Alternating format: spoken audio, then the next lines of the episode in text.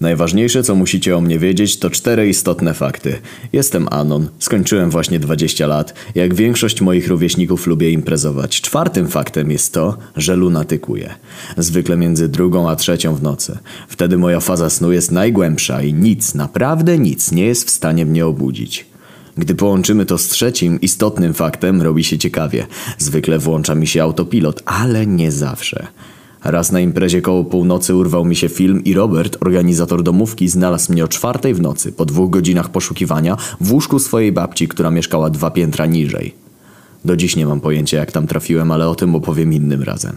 Ta historia miała miejsce rok temu. Zdana matura, wszyscy chillout, wyjazdy to nad jezioro, to w góry, mnóstwo imprez i mnóstwo nowo poznanych ludzi. Właśnie wróciłem z Bułgarii, opalenizna podniosła ocenę z 7 na 8 na 10. Lożki zaczęły się interesować. O, Anon, wyglądasz bosko. O, Anon, jak było w Bułgarii? Klasyk. Słyszę telefon. Wstaję rano po jakimś piciu w plenerze, kac jeszcze trzyma, no ale dobry ziomek dzwoni, to odebrać trzeba. No co tam Seba? Anon, sprawa jest. Imprezę robimy. Piszesz się? Lożki, co będą ze mną na kierunku, będą na studiach. Wpadaj. Bo musicie wiedzieć, że Seba się na AWF dostał. Nikt nie wie jakim cudem. No dobra, Seba. Możesz na mnie liczyć. Będę. Nadszedł wieczór. Podkrakowska wieś. Autobus to dwie godziny. Nie ma nocnych. Impreza się zaczyna. Domówka, jakieś 40 osób, przewaga dziewczyn. Każdy dżentelmen dziś to wygryw.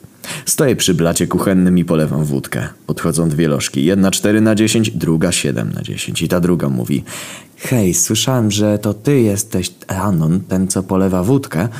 No pewnie. Jeśli byłbym kim innym, to nie byłbym sobą. Lożki mokre od supersentencji wyczytanej na demotywatorach w gimnazjum. No to polewaj, Anonku. Minęło pół godziny. W trójkę obaliliśmy pół litra. Mi mało, ale lożki coś się chwieją. Prowadzę je na kanapę i kładę jedną na drugiej, idą spać. Jakiś typu mruga porozumiewawczo, że się nimi zajmę. No dobra, są w dobrych rękach. Zgłodniałem. Wołem Sebę i mówię, że jestem głodny, a on już podrobiony mówi, że w zamrażarce ma owoce morza. No to kurwa, sushi by zjadł. Otwieram zamrażarkę, a tam jebutna ośmiornica. No największa, jaką w życiu widziałem. Wszystkie szuflady wyjęte, żeby się to bydle zmieściło. Jak otwierałem, to kilka macek opadło z plaskiem na podłogę. Próbuję ją wyciągnąć. Jaka kurwa ciężka. Mariusz, pomóż! Leci Mariusz, taki paker, co na siłowni częściej był niż na lekcjach w trzeciej liceum. Trenerem personalnym chce zostać. No i z Mariuszem chwytamy tę ośmiornicę i do zlewu z nią. Ledwo się mieści, macki wyłażą wszędzie. No ale nic, jak się robi ośmiornicę, jestem coraz bardziej głodny. Podchodzi do mnie jakaś lożka i mówi Ej Anon, to jest ośmiornica. Ja widziałam w telewizji, jak jedli surową ośmiornicę. Myślę sobie, jak widziała, to chuj w sumie. Sushi to surowa ryba. Mariusz, odej no tasak. Chwytam tasak w dłoń i zaczynam ujebywać temu monstrum macki. Śluz leje się wszędzie, lożka ucieka, bo fryzura zniszczona przez śluzowy odprysk. Wszyscy mnie zostawili, chłopaki nie chcieli jeść ośmiornicy. A raz kozie śmierć. Wziąłem kawałek macki do ust. Trochę smakowała jak tuńczyk z glonami morskimi, jakby wyciągnięty z mułu. Spróbowałem jeszcze trochę. Z każdym następnym gryzem smakowało mi coraz bardziej. Nikt nie przychodził do kuchni, bo śmierdziało tą ośmiornicą okropnie. Ale mnie to nie obchodziło. Zjadłem wszystkie macki, w brzuchu już mnie skręcało. Patrzę whisky. O tak, tego teraz mi było trzeba. Wziąłem pełną butelkę whisky, wyszedłem z kuchni i usiadłem w kącie salonu jak pan nad pany. Siedzę i czuję, że zaraz brzuch mi pęknie. Ale będę miał rano sranie. Minęło pół godziny, a tu butelka już opróżniona. Przychodzą kolejni ludzie i mówią Anon, no chodź na bimber, bez ciebie nie pijemy. No to wstaję.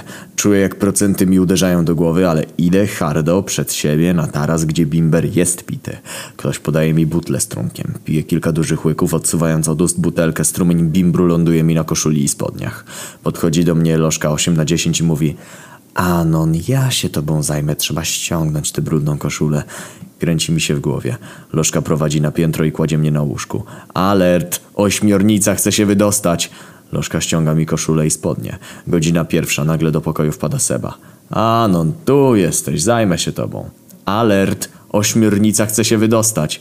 Seba dobry ziomek wie, że lunatykujesz, więc wymyślił genialny pomysł. Rozebranego mnie do bokserek wrzucił do śpiwora. Alert, ośmiornica chce się wydostać. Tak na wszelki wypadek, żebym nigdzie nie poszedł w nocy. Seba bierze za rękę lożkę i wychodzą z pokoju, gasząc wcześniej światło.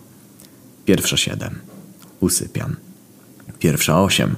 Alert, ośmiornica chce się wydostać. Pierwsza trzydzieści. Przechodzę w głęboką fazę snu wcześniej niż zwykle. Pierwsza trzydzieści siedem.